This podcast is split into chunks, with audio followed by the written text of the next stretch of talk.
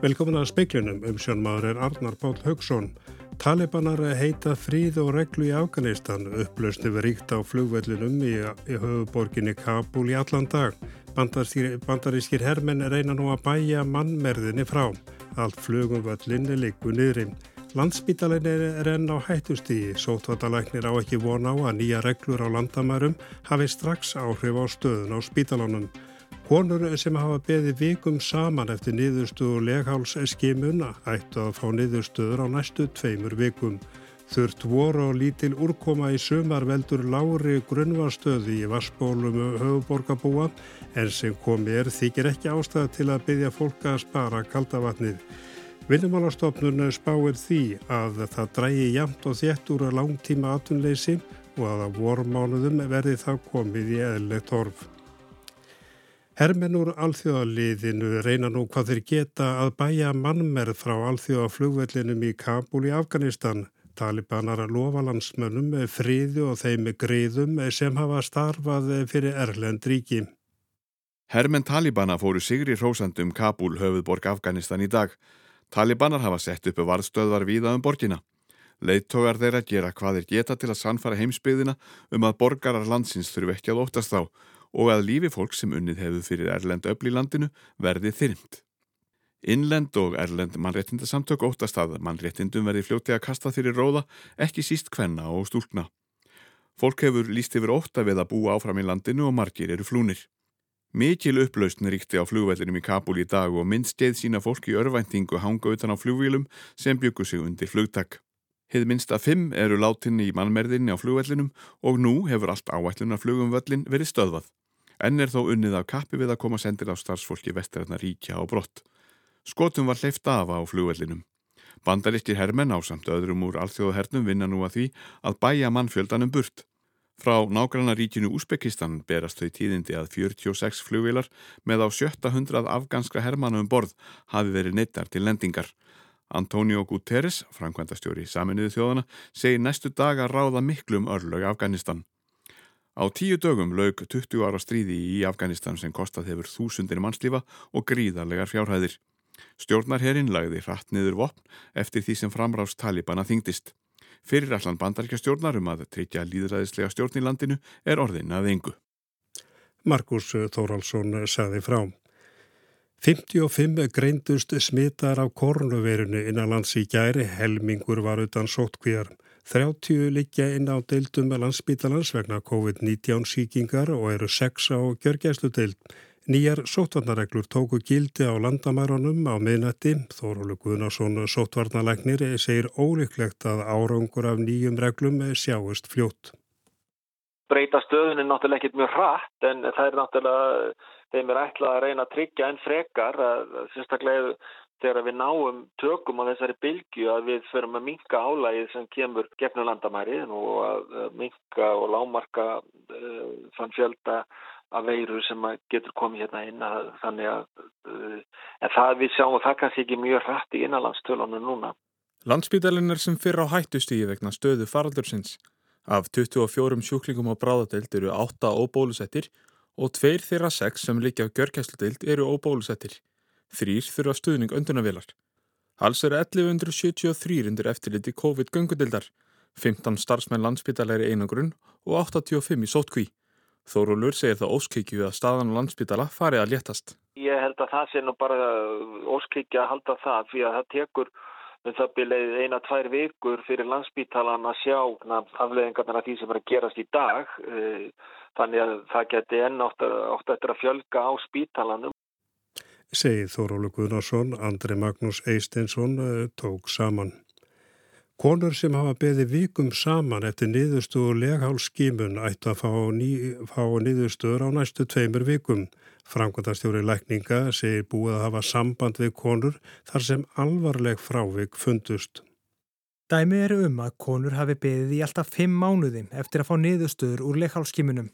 Framkvæmdinn hefur verið í ólestri eftir að þjónustan var farið frá krabbameinsfélaginu til helsugeslunar og margar konur fundi fyrir miklu óöryggi vegna þess hver langan tíma tekur að fá niðurstöður. Sigriður Dóra Magnúsdóttir, framkvæmdastjóri lækninga hjá hilsugjæslunni, segi þá byggð senn á enda. Við bara vonum að við komast í að reynsa upp alla þessa, þessu svör bara á næstu einu-tveim vikum. Það bara var aðeins hlið í sumar út af sumarfríum og svona en við vonum við komum þessum upplýsingum til hvernana. Bara mikilvægt að koma því fram það búið að fara yfir öll þessu svör, það búið að lesa þetta allt saman, það er ekkit alveglegt í gangi. Þannig að í þeim tilfellum þar sem voru alvegleg frávik, það er búið að hafa sambandi þær konur? Það er búið að afgreða öll þau tilvík sem voru alvegleg frávik sem þar sem konum þurfti að koma mjög fljótt í eftirlit. Sigriður Dóra segir að erfilega hafi gengið að fá gamla kerfið til að tala við það nýja, en skimanir eigi að vera komnar á réttan kjöl. Við erum að setja allan okkar kraft í að leysa það og þannig að nú á þetta ekki taka nema bara nokkra vikur. Saði Sigriður Dóra Magnúsdóttir, Magnús Ger Ejjálsson talaði við hana. Hlutfall erlendra ríkisborgara í langtíma atvinnleysi er tölvert herra en almennt atvinnleysi meðal þeirra hér á landi. Þetta segi Birna Guðmustóttir, deildastjóri gagnagreiningar hjá vinnumálastofnun. Stofnunin leita nú leiða til að bæta úr þessu. Það er verðast setja eftir og eiga erfiðar með kannski að finna vinnu. Kannski bara ekki eins góður rísosar fyrir þá til þess að leita og við erum sérstaklega að, að rýna í þetta núna og, og reyna að finna leiðir til þess að semst, bæta úr. En hvað með mentun? Er það, dreifist það jæmt yfir alla hópin, atvinnleysið? Mentun langtíma atvinnlösa er ekki mjög ólík mentun atvinnlösa.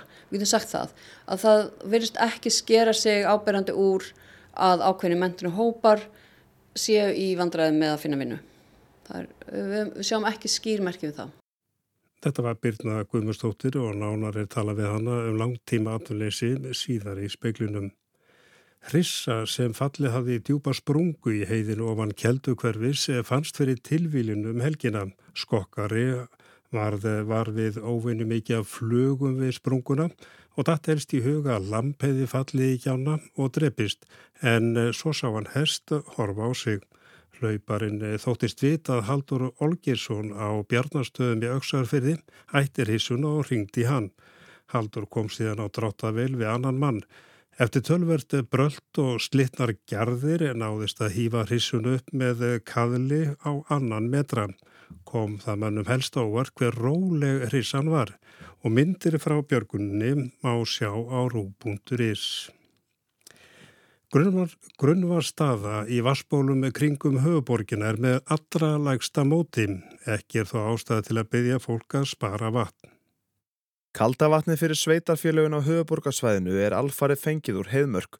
Grunnvarstaða í vötnum sem fylgja grunnvarstöðu eins og rauðavatn og kvalerarvatn er óvinni láð þetta árið. Eirikur Hjálmarsson, upplýsingafulltrúi veitna, segir að við gvendarburna og á neðri svæðum heiðmörkur sé grunnvarstaðan í lagra meðalagi. En hérna aðeins ofar upp í Vassendakrikum og efst í heiðmörkinni, þar sem að sveiflutnar eru yfirleitt meiri, þar er hún óvennilega lág og í einni hólu sem við höfum fylst með í nokkra áratvíi, þar höfum við verið að mæla lægsta vassbort sem við höfum séð. Ástæðan er fyrst og fremst lítil úrkoma og snjólettur senasti vetur, auk þess sem árið 2020 var heldur þurft. Staðin er nú ekki svo að við höfum stórar áhyggjur, við fylgjumst vel með en við erum ekki að naga neglunar yfir þessu. Þannig að það er ekki ástæði til að byggja fólkum að fara sparlega með vatn? Nei, við sjáum ekki ástæði til þess en uh, þá má kannski vitna í þjóðskaldið. Mér finnst reikningin góð. Sagði Eirikur Hjálmarsson, Bjarni Rúnarsson tók saman. When I think of angels, I think of you. Lægi Venna Think of Angels eftir íslenska tónlistamannin Kristján Kristjánsson betur þekktar sem K.K. hljómar í nýjustu myndu stórleikarans Sean Penn, Flag Day. Kat Power flytur lægi en K.K. og Eithor Gunnarsson spila undir. K.K. sér í samtalið fréttastúum að nokkuð einföld skýrings á því að hverju lag hans er hljóm í myndinni. Valdís Óskarstóttir klippari hafi klippt myndina og leifti Penn að heyra lægið. Leikarinn hafi heitla strax og vilja fá það í myndina. K.K. er annars í góðum félagskap því tónlistmyndarinnar er að mest í höndum Eddis Vedder, söngvara Pearl Jam.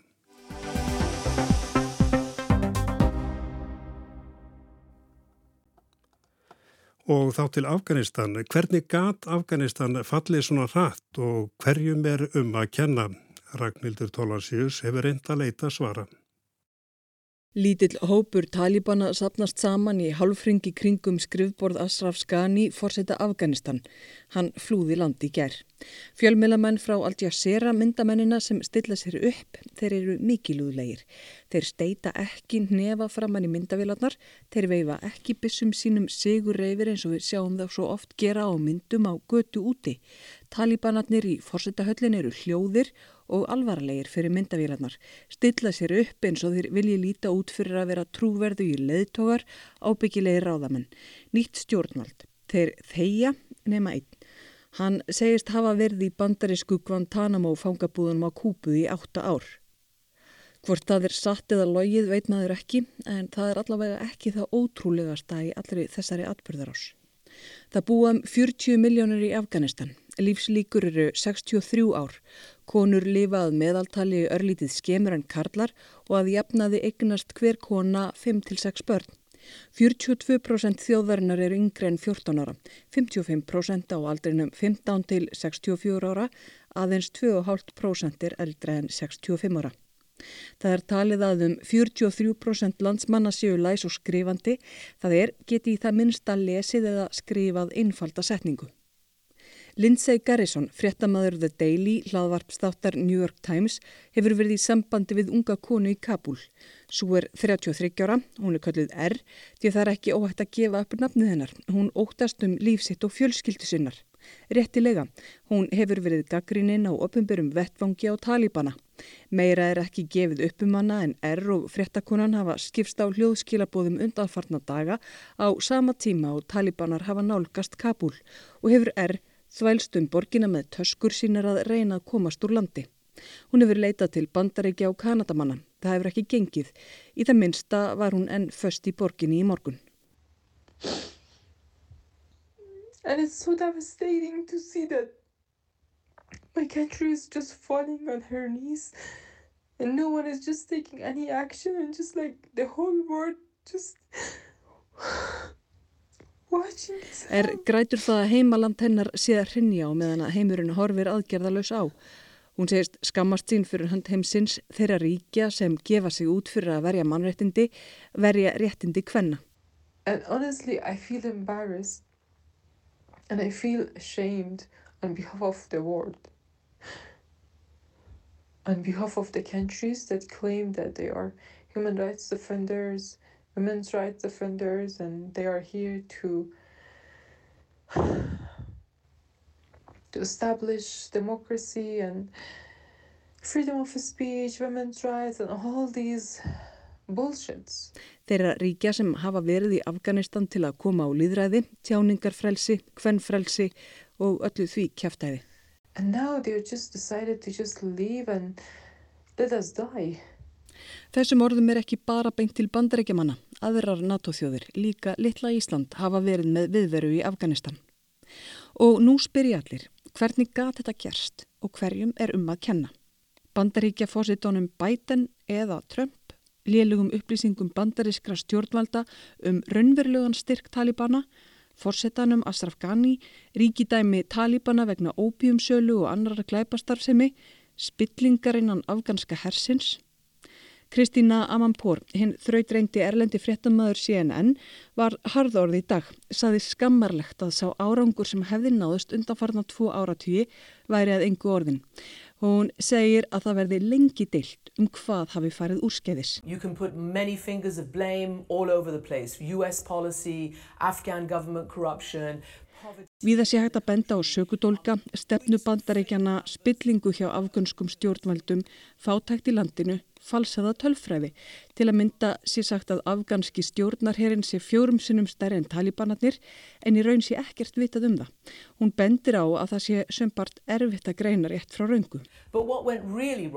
Is that the Taliban have been waiting for some 20 years for this moment, have reconstituted themselves to an extent to be able to do that, have sat back and strategized to be able to do that. Það sem raunverulega hafi farið úrskiði sé að undanferðin 20 ár hafi Talibanar náðað endur nýja krafta sína. Þeir hafi verið rólegir og skipulagt sig fyrir þessa stund sem þeir hafi beðið í tvo áratvíi. Að samaskapi hafi bandarisk stjórnvöld sínt að þau hafi ekki verið fúst til að fjarlæga herlið sitt úr landinu með örgum hætti eins og þau hafi fullirt og ljúka þannig lengsta stríði bandaríkjana og að auki hafið þeir ekki útbúið plan B var áallun ef eitthvað færi úrskeiðis. And not only that, without a plan B. And all you hear right now from capitals such as Washington and London and elsewhere is, oh my goodness, this has happened so fast, we never could have thought that it would happen so fast. Og nú segir Amapur að það eina sem heyrist frá stjórnveldum í bandaríkjum og Breitlandi sé, almattugur, þetta gerðist svo hratt, það hverlaði aldrei að okkur að þetta geti gerst svona hratt.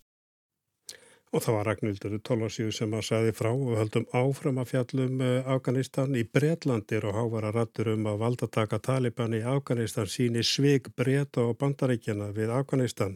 Í viðbótu vaknar þessi síkilda breska spurningum hvar eh, bresk utaríkis stefna sé mótuð í vestminister eða Washington. En raunveruleikin er kannski sá að pólitísku þunga meði heimsins hefur fæst frá Washington til Asíu. Nobody wants Afghanistan once again to be a, for, for. Nei það vill engin að Afganistan verði aftur útungunarstöð hriðjuverka.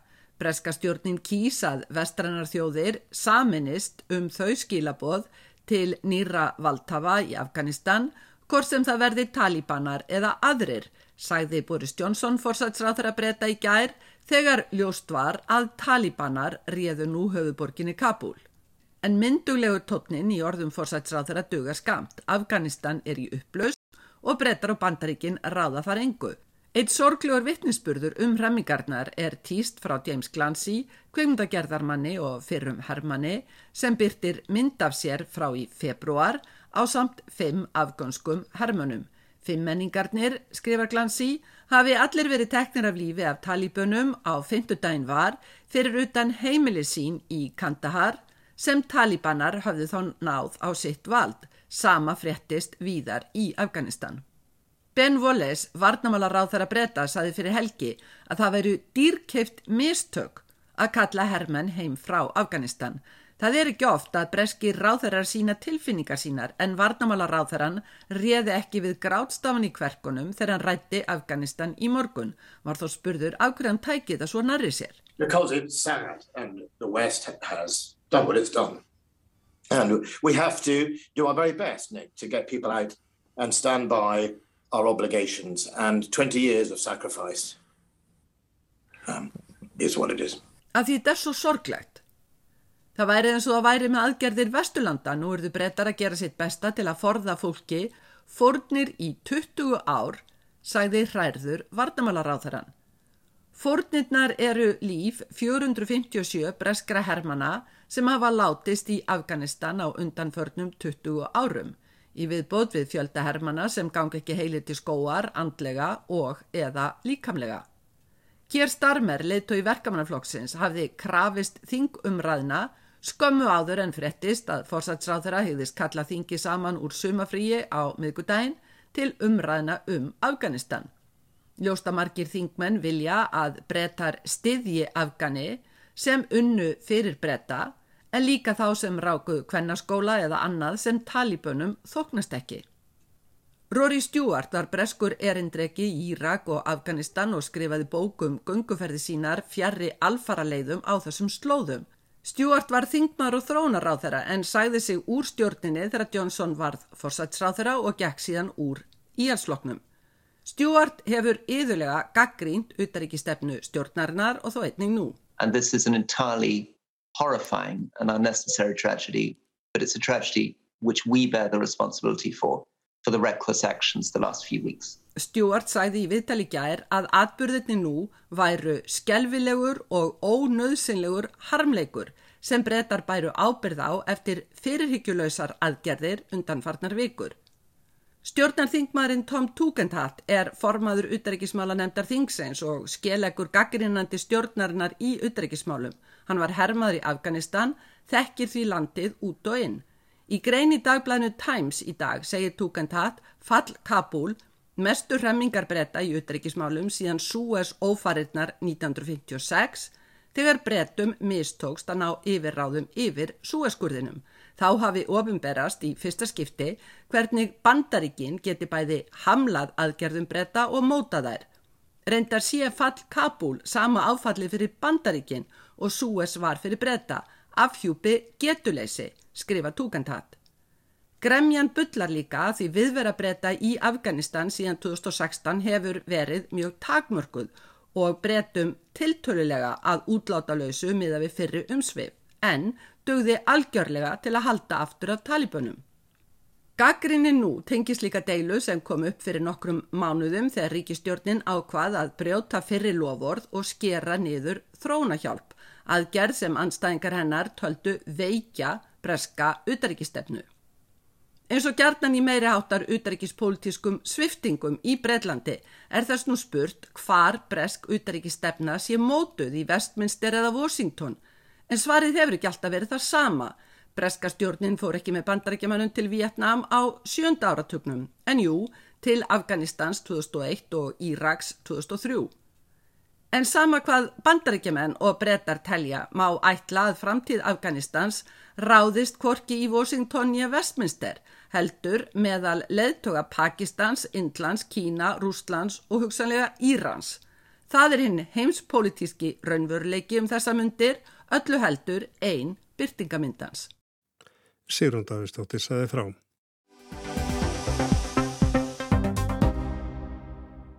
Viljumálastofnun spáir því að það drægi jæmt og þéttur og langtíma atvinnleysi og að vormánuðum á næsta ári verði þá komið í eðlilegt horf. Í loku júli höfðu með 5.400 verið án vinnu lengur enn í 12 mánuði og fækkaðum tæplega 500 frá í júni.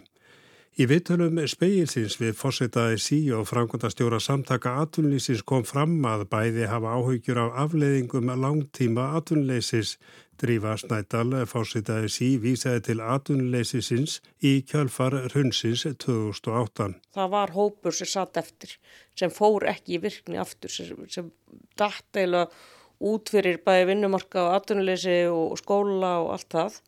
Uh, ungt fólk, uh, fólk í kannski viðkvæmri félagslegri stöðu, uh, þannig að það verður líka sko verkefni framönda. Það er að finna þetta fólk koma því í virkni Eh, nám, eh, einhvers konar störf sem henda og svo framvegis og síðan má líka segja sko að, að hérna aðtöluðs tölurnar og ráðningarnar eru tölur á bladi en það verður líka að vanda mjög vel til ráðninga.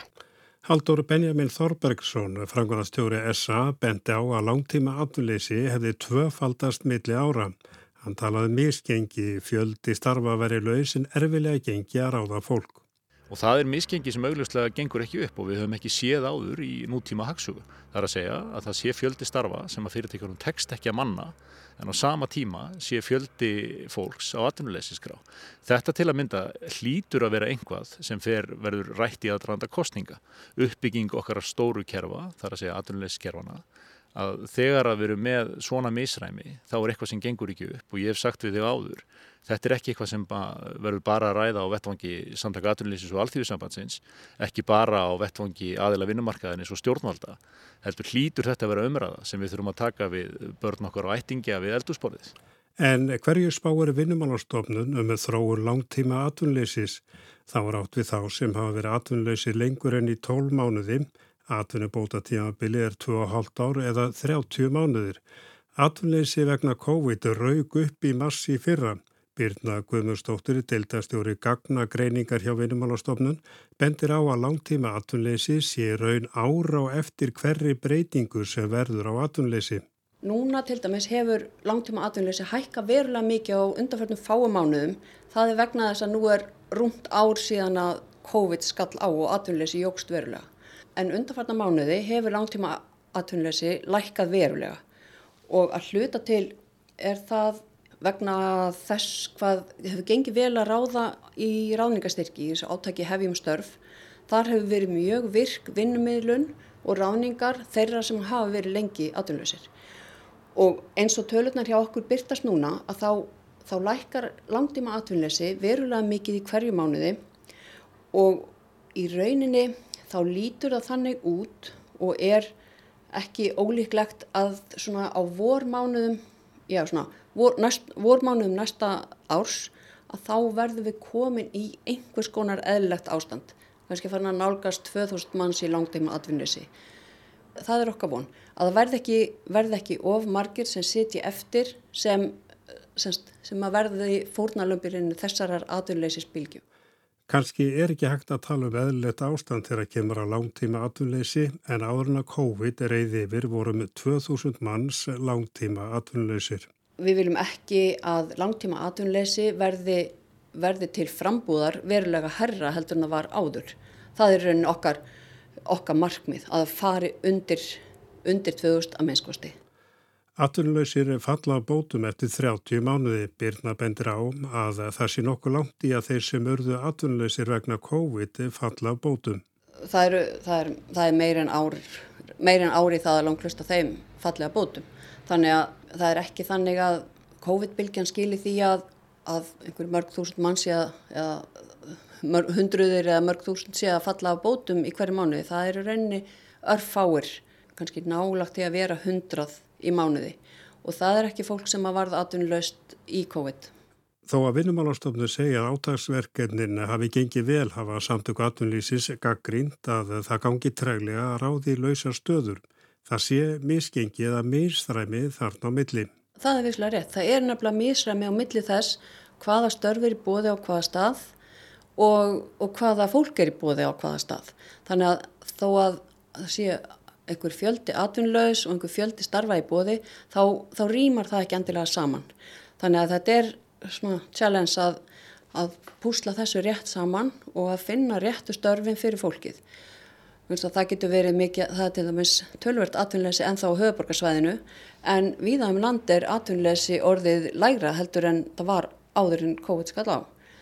Þannig að þetta er ekki alveg augljóst og það er ekki þannig að, að bara allt þetta fólk sem er atvinnist það bara nenni ekki að vinna vegna, vegna að, að störfin þau eru kannski ekki á réttum stað eða réttu störfin á réttum stað og þetta, það tekur tíman að púsla þessu rétt saman.